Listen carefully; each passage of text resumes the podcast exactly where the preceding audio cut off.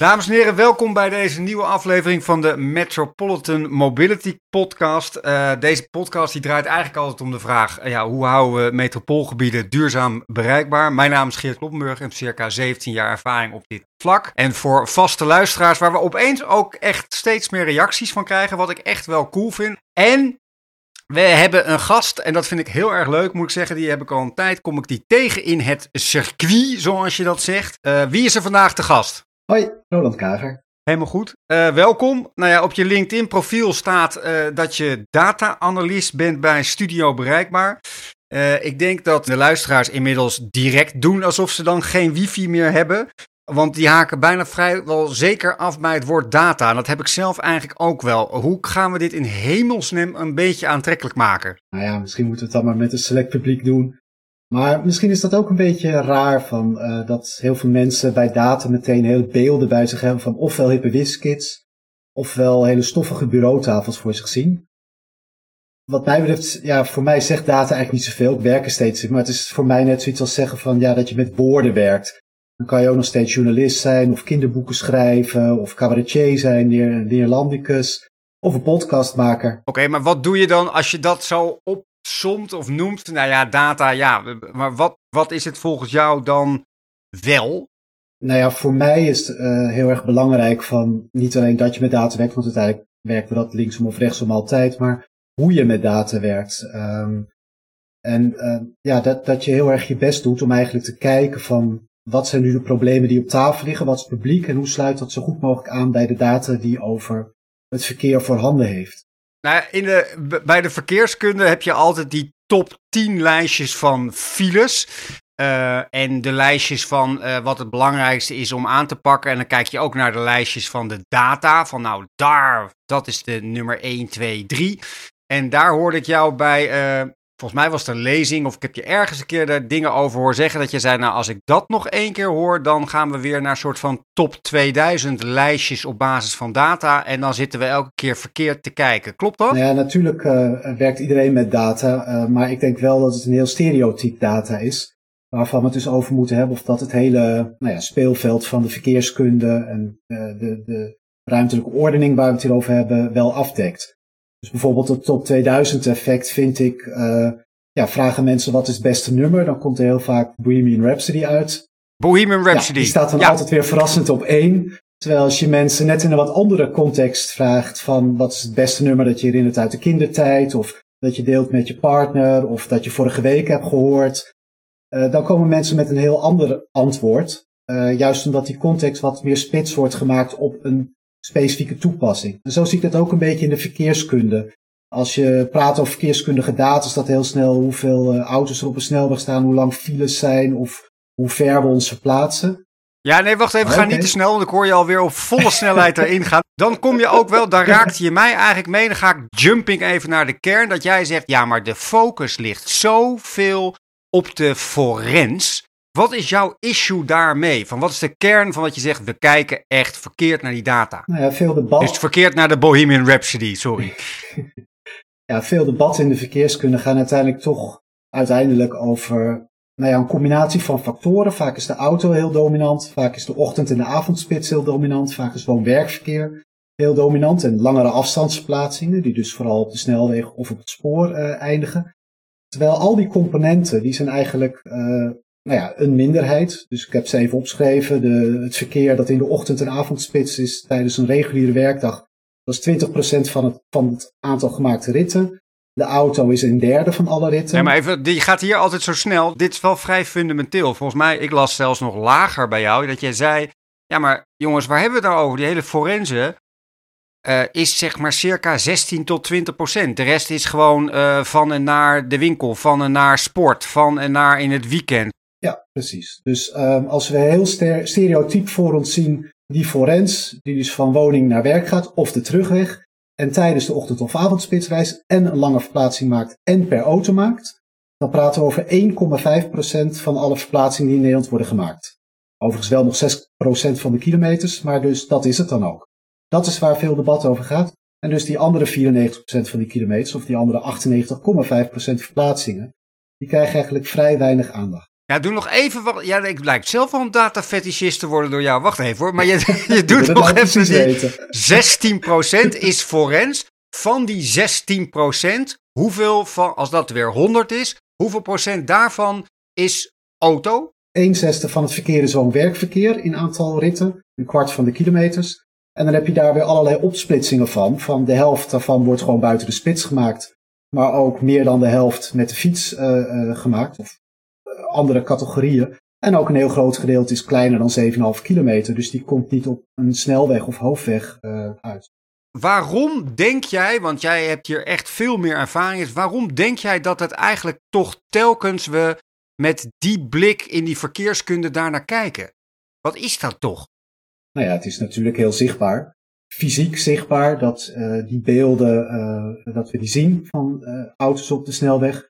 Maar als we ze niet zien, horen we ze elk half uur eh, op de, de verkeersinformatie, eh, zoals dat heet. Eh, zelfs nu nog in acht maanden corona, ja, af en toe wordt er lollig gezegd, ja, we hebben weer een file gevonden. Ja, dat blijft gewoon doorgaan. Dat horen we dus ook de hele tijd. En ik denk dus dat top 2000 effect, doordat ja, dat we dat eigenlijk heel erg uitvergroten. Natuurlijk is het een probleem, maar er zijn ook heel veel andere problemen in de verkeerskunde. En als je mensen net wat anders vraagt, wat speelt in jouw dagelijks leven? Eh, wat speelt uh, uh, nou ja, bij hoe je dingen organiseert? Dan komen opeens hele andere dingen bovenop. Hoe ziet de, de gemiddelde spitsmens eruit? Nou ja, ook dat is wel een dingetje. Dat uh, als we het dan hebben over die lange afstandsplaatsing per auto op een snelweg tijdens de ochtend- en avondspits. Uh, dan zien we eigenlijk ook dat echt de helft van die verplaatsingen door nou ja, de oudere man uh, wordt gemaakt. Best volk natuurlijk, Geert. Ik zelf word er inmiddels ook toe. Welke, wel even, maar wat is jouw categorie van oudere man? Dat is wel even voor mij persoonlijk. En een ja, aantal dus luisteraars gaan er even... nu sowieso meteen uit. Maar wat is oudere man? Verkoot in de bie? Laten we dat even tot 40 tot 65 uh, jaar doen. Ja, shit, daar zit ik uh, al in. Maar ga maar door. Ja, ik, ik ook. Maar dat is dus de helft van uh, die groep. en ja, dat is toch maar ongeveer een kwart van de werkende bevolking. En ongeveer 18% van de bevolking, dus een vijfde. Die de helft van dat soort verplaatsingen maakt. Dus er zit ook best wel ja, zo'n component in. Wie maakt nou die verplaatsing? Ja. En je kan ook naar hele andere dimensies kijken, zoals uh, wat is de stedelijkheid uh, waar die mensen wonen of waar ze naartoe gaan, uh, et cetera. De vraag popt op bij mij, maar waar vind je dan dat we het eigenlijk echt wel over moeten hebben? Nou ja, het is natuurlijk niet aan mij om te bepalen waar het grote debat over moet staan. Misschien wel waar wij het gezellig met z'n tweeën over hebben. Maar ik denk waar het debat uiteindelijk over moet gaan, is wel een beetje dat top 2000 effect zien. We hebben het steeds over die Bohemian Rhapsody en iedereen praat erover, maar er is ook heel veel andere goede nummers die geschreven zijn. En ik denk dat daar best wel meer ook de loep op gelegd mag worden. Zoals bijvoorbeeld puur het gegeven, wat heel weinig bekend is, dat het op een zaterdag eigenlijk meer verplaatsingen worden gemaakt dan op een maandag tot en met vrijdag. Veel mensen denken dat dat kan helemaal niet, het is drukst op een werkdag. Maar je ziet gewoon dat op een zaterdag er veel meer trips worden gemaakt. En ook dat is makkelijk dat top 2000 effect te zien. Als jij gewoon vraagt, Geert, wat heb jij afgelopen zaterdag gedaan? Dan is het waarschijnlijk dat je met je kinderen naar de sport bent gegaan. Je moest nog inkopen doen, je hebt oma nog bezocht. En ja, uh, nou, tot voor kort zaten we gewoon op een werkdag, uh, gingen we één keer naar werk en dan zaten we dan en daarna gingen we weer weg of deden nog een zakelijke verplaatsing of dat soort achtige dingen. Maar de kinderen waren de hele dag op school. Dus dan maken we gewoon veel minder verplaatsingen. Maar wel heel geconcentreerd in een heel korte tijdsperiode, namelijk de ochtend- en de avondspits. Maar tijdens de rest van de dag is het juist op een zaterdag en ook wel op een zondag eigenlijk drukker dan een door de weekse dag. Nou, leg dat nog eens naast de OV-dienstregeling wat veel mensen ook zullen zien. Waarom rijdt die trein of die bus vier of zes keer per uur maandag tot en met vrijdag als ik gewoon op werk zit? Maar als ik met mijn kinderen op stap wil, dan rijdt hij ineens niet. Zijn er nog meer dingen waarvan je zegt, ja, die thema's zie je eigenlijk te weinig terug? Nou ja, wat ook een beetje gaande is, is dat de compositie van verkeer aan het veranderen is. Dus de totalen over heel Nederland, die blijven redelijk constant. Dus bijvoorbeeld dat een zesde van de verplaatsingen voor werk is. Dat groeit maar heel marginaal. Maar wat wel gebeurt is dat die groepen die dan die autoforens zijn, daar begint echt wel in de samenstelling wat te veranderen. Als je echt naar de afgelopen tien jaar kijkt, zie je dat een steeds groter aandeel daarvan uh, veroorzaakt wordt door wat andere groepen. Uh, en dat die op bepaalde gebieden juist aan het wegvallen is. Welke groepen haak, zeg maar, doen andere dingen in die 1 zesde dan? Welke groepen doen iets anders? Want ik, ik ga jump namelijk meteen naar een vraag toe. En dat is eigenlijk die er ook oppopt. Want ik hoor jou vaak over verschil tussen stad en platteland. Is dat dan ook wat je bedoelt in die 1 zesde? Of is dat een ander type voorbeeld? Ja, in ieder geval is dat um, nou ja, het belangrijkste voorbeeld waar echt snelle verschuivingen gaande zijn.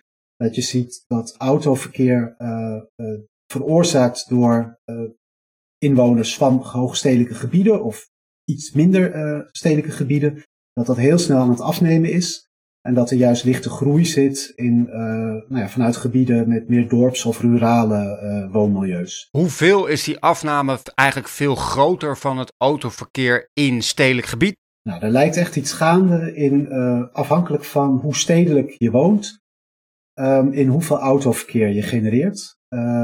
dat is momenteel iets van drie keer zo weinig als een gemiddelde inwoner van een landelijk gebied. En daarbij zijn beide bevolkingsgroepen ongeveer even groot. Dus ongeveer 1 vijfde van de bevolking woont landelijk en 1 van de bevolking woont uh, stedelijk, volgens hoe ik naar de data heb gekeken.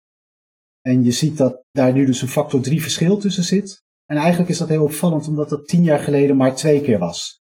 Dus dan is de vraag van, als je nou over nog tien jaar gaat kijken, is dat verschil dan misschien vier keer? En waar komt dat nou precies door? Maar ik merk, daarom doe ik hem ook hardop, deze vraag en kunnen de luisteraars mooi mijn fouten daarin horen. Ik merk dat ik aan het vragen ben, ja maar tien jaar geleden deed iemand vijf ritten als hij in Amsterdam zat. En dan doet hij er nu maar één. En dan is het verschil vier. Ik snap het. Maar jij pakt vrij snel die afslag meteen al in je antwoord dat je zegt, ja maar ik vergelijk tien jaar geleden met toen deed hij tien ritten in de stad. En iemand in, de, in uh, stedelijk gebied deed er 15. En daar zit een verschil tussen. Dat noem jij die factor. En jij zegt dat die factor, zeg maar nu 10 jaar later, dan doet iemand nog maar 5 autoritten in de stad. En op het platteland nog steeds 15 of misschien maar 13. Is dat een beetje zo grosso modo wat je wil zeggen? Ja, dus als je de exacte aantallen erbij wil zeggen, een gemiddelde inwoner van een stad die genereert nu per week drie verplaatsingen met de auto per week.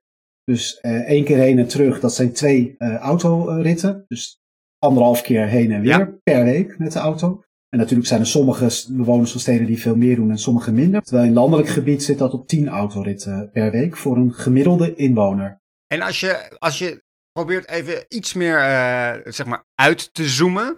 Dan uh, heb je net in de correspondent heeft Thalia Verkade een heel stuk geschreven over verkeersmodellen. Waar zij eigenlijk beschrijft, ik word hier ook in gequote overigens, de nationale meerjaren capaciteitsanalyse. Dus de grootte van wat welke knelpunten in je top 2000 lijstje gaan we allemaal in het vervolg meemaken als we zoveel huizen uh, extra gaan bouwen. En nou, dat betekent dat we weer voor miljarden extra zouden moeten investeren in weg- en uh, spoorverbreding. Hoe kijk jij daar dan tegenaan, uh, tegen die systematiek? Kijk, als je aan mensen vraagt wat vind je belangrijk in het verkeer, dan zullen ze heel snel zeggen dat we sneller kunnen rijden. Maar als je mensen vraagt wat vind je belangrijk voor jouw buurt, is met stip al jaren het belangrijkste dat mensen zeggen: ik vind dat er te hard wordt gereden in mijn wijk ja, uiteindelijk is dat waar anderen rijden natuurlijk bij iemand anders op de stoep. En zoiets abstracts, dat roepen ze misschien wel, maar of ze dat ook echt belangrijk vinden in allerlei keuzes.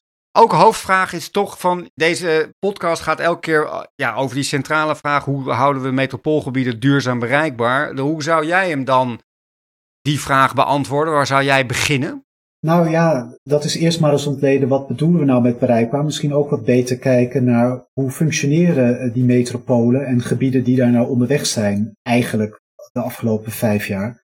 Waar we heel veel kijken naar dat autogebruik en de verschuivingen die daarin zijn, uh, drukte op, op het hoofdwegennet, vind ik dat dat is in ieder geval nog de optelsom van, uh, nou ja, die uiteindelijk binnen de orde van grootte 10% blijven. Maar als we kijken naar fiets- en openbaar voergebruik, zien we daar veel extremere uh, fenomenen, omdat die eigenlijk op kleinere gebieden of beperktere corridors neerslaan. Dus daar praat je veel meer over verdubbeling binnen vijf of tien jaar. En is het vooral kijken, is het vijf of tien jaar? En dat zijn natuurlijk veel grotere stappen dan wat eigenlijk nog in het autoverkeer uh, gaande is. Ja, ook wel eens gehoord over, uh, volgens mij hoorde ik je het ergens een keer zeggen, en toen was je, begon je, je praat altijd heel rustig, maar toen begon je je toch lichtelijk op te winnen dat je zei, het is toch eigenlijk heel raar dat we ons verbazen over het feit dat die OV-fiets zich elke keer maar blijft verdubbelen. Dat was eigenlijk wat jou meer verbaasde dan dat het dus echt ook gebeurt. Kan je dat toelichten? Ja, maar dat, maar dat is toch raar, Geert? Ik bedoel, dat, dat ding, dat fantastisch mooie ding, dat is in ergens 2004 geïntroduceerd. Ik mag veel uh, onderzoek doen naar gecombineerd gebruik van fiets en openbaar vervoer. En daar komt die OV-fiets natuurlijk uh, vaak bovendrijven. En ik ben toen eens krantenknipsels gaan uh, verzamelen van wat het gebruik was in het afgelopen jaar. En ik heb inmiddels een, een hele serie van echt iets van tien van dat soort haast identieke krantenartikelen van uh, het 40%, 40 groei in een jaar, we plussen zoveel duizend OV-fietsen bij. Volgend jaar gaan we voor het miljoen, waarbij die miljoen als iets gigantisch veel wordt gepresenteerd. En het jaar erop zie je zoiets van, hé, hey, we hebben dit jaar uh, 1,6 miljoen uh, ritten. En we kopen weer extra fietsen bij en weer 40%, of 40% groei. Wat zijn we verbaasd. Maar het jaar erop weer en het jaar daarop weer en het jaar da daarop weer. En dan denk ik toch wel van, ja, hoe, hoe, hoe, komt het dat we ons daar zo uh, door laten verrassen? Als daar kennelijk zoveel vraag is naar het systeem, waarom stellen we ons er niet de fundamentelere vraag van tot hoe ver kan dit eigenlijk groeien? Tot hoe ver willen we het groeien? Hoeveel OV-fietsgebruik zitten we anno nu? Want ik raak ook vaak de tel kwijt. Nou ja, nu is het natuurlijk een bijzonder jaar nee, okay, 2020. Maar, als we dat even uitstrepen, uh, dat, dan zitten we nu op ongeveer dat anderhalf procent van de mensen die in een trein zit, die gebruikt een OV-fiets op hun bestemming. Vroeger zaten nog wel eens 100 mensen in de coupé. Dan anderhalf, dat is niet veel. Terwijl er 47 mensen in diezelfde coupé van die 100 met de fiets naar het station zijn gekomen vanaf hun thuis. Nou, ik denk uiteindelijk dat uh, in het natransport je ook richting die 47 uh, eh, kan gaan. Ja, dan zou het dus keer 30 uh, nog kunnen gaan. Ik zie geen reden waarom dat niet zou gebeuren. Ja, en hoeveel zitten we op dit moment? 1% van, maar 1% is in totaal 1 miljoen ritten, grosso modo, per jaar? Nee, we zitten nu op iets van 4, 4,5 miljoen ritten per jaar die met OV-fiets worden gemaakt. Ik vind dat een van die andere onderbelichte, uh, nou ja, eigenlijk de contramal van de Bohemian Rhapsody. Dat we vaak over het openbaar voer praten door uh, uh, treinverbindingen of metroverbindingen aan te leggen of grotere fietsenstallingen, waarbij we vaak aan voortransport denken. Maar ik denk dat de grootste bottleneck, en data laat het ook zien in het openbaar vervoer, is het natransport. We zien dat als mensen een bestemming hebben die op meer dan 1, 1,5 kilometer van een station is, zien we echt een dramatisch minder gebruik in openbaar vervoer. Terwijl als mensen anderhalf tot twee of drie kilometer van een station wonen, is dat eigenlijk, maakt dat weinig verschil in OV-gebruik ten opzichte van als je bij spreken op de stoep van een station woont. Ja. Dus kennelijk fungeert die fiets erin dat mensen vanuit een heel breed gebied dat OV kunnen bereiken. Maar als hun bestemming ver weg ligt van, of dat nou een station is of iets anders, dan dat stort dat systeem in. Maar het verbaast mij toch ook nog als je dus zegt dat er maar tot nu toe 1% van alle treinreizigers eigenlijk dat OV-fiets gebruiken. En het is al zo'n enorm succes. Dan snap ik wel wat de potentie is van als dat natuurlijk een veel grotere groep ook nog gaat gebruiken. En ze worden beschikbaar, maar ook nog hoeveel dat scheelt op het aantal weesfietsen, wat allemaal op die station staat. Nou, ik weet nog zelf hoe ik het deed. Ik durf het ook bijna niet eerlijk te bekennen. Maar dan liet ik gewoon een tweede fiets op Amsterdam Centraal, want dan had ik er altijd eentje. Nee, maar inderdaad. Dus die 47 van die 100 mensen die in een gemiddelde trein zitten, zijn met de fiets naar het station gekomen. Twee van die 100 mensen die gaan met een OV-fiets uh, uh, naar hun bestemming. Maar nog steeds 13 van die 100 mensen, 13 procent, die gebruikt een tweede fiets. Uh, dus die tweede fiets is nog altijd zes keer zo groot als die OV-fiets. Maar er zit wel een, echt een belangrijk probleem met die tweede fiets. Wat zie je dan als grootste bottleneck van de OV-fiets? Nou, niet van de OV-fiets, maar juist van die tweede fiets. Dat kennelijk die OV-fiets nog niet interessant genoeg is om te fungeren als alternatief voor die tweede fiets. En ook niet voor al die mensen die eigenlijk ook uh, op twee of drie kilometer van het station willen zijn. Maar dat je gewoon ziet dat dat soort uh, verplaatsingen veel minder gemaakt worden. Dus dat resulteert in minder OV-gebruik. Kijk, het probleem van die tweede fietsen is uh, dat die gewoon enorm veel stallingsplek innemen. Als je, als je wil berekenen hoeveel stallingsplek je nodig hebt, overal in Nederland zijn we die dure stallingen aan het bijbouwen. Hele mooie operaties, maar ook hele kostbare operaties. En vooral als we dat nog een keer willen doen voor de groei van de komende tien jaar, vind ik dat we echt kritischer naar moeten kijken. Wat voor gebruik van fiets met openbaar vervoer zitten we nu eigenlijk te stimuleren? Kijk, er zijn drie keer zo weinig mensen die met de fiets uh, naar het station, van het station wegrijden naar hun eindbestemming dan op de heenreis komen. Maar die tweede fiets die ze voor gebruiken, staat gemiddeld wel, nou, een conservatieve schatting is vijf keer zo lang als die voortransportfiets. Als jij met je fiets naar het station fietst en je haalt hem s'avonds erop, heeft hij daar acht of tien uur gestaan. Maar als jij een tweede fiets op Amsterdam Centraal hebt staan, die dan staat staat er hij daar permanent. Behalve de zes uur dat je hem gebruikt. Dan is die even, is die plek leeg. En dat is dus precies waar jij mee begon. Als jij om zes uur 's ochtends op Amsterdam Centraal komt, maar elk ander intercity station, dan zie je dat de stalling helemaal vol staat. Of 80 à 90 procent.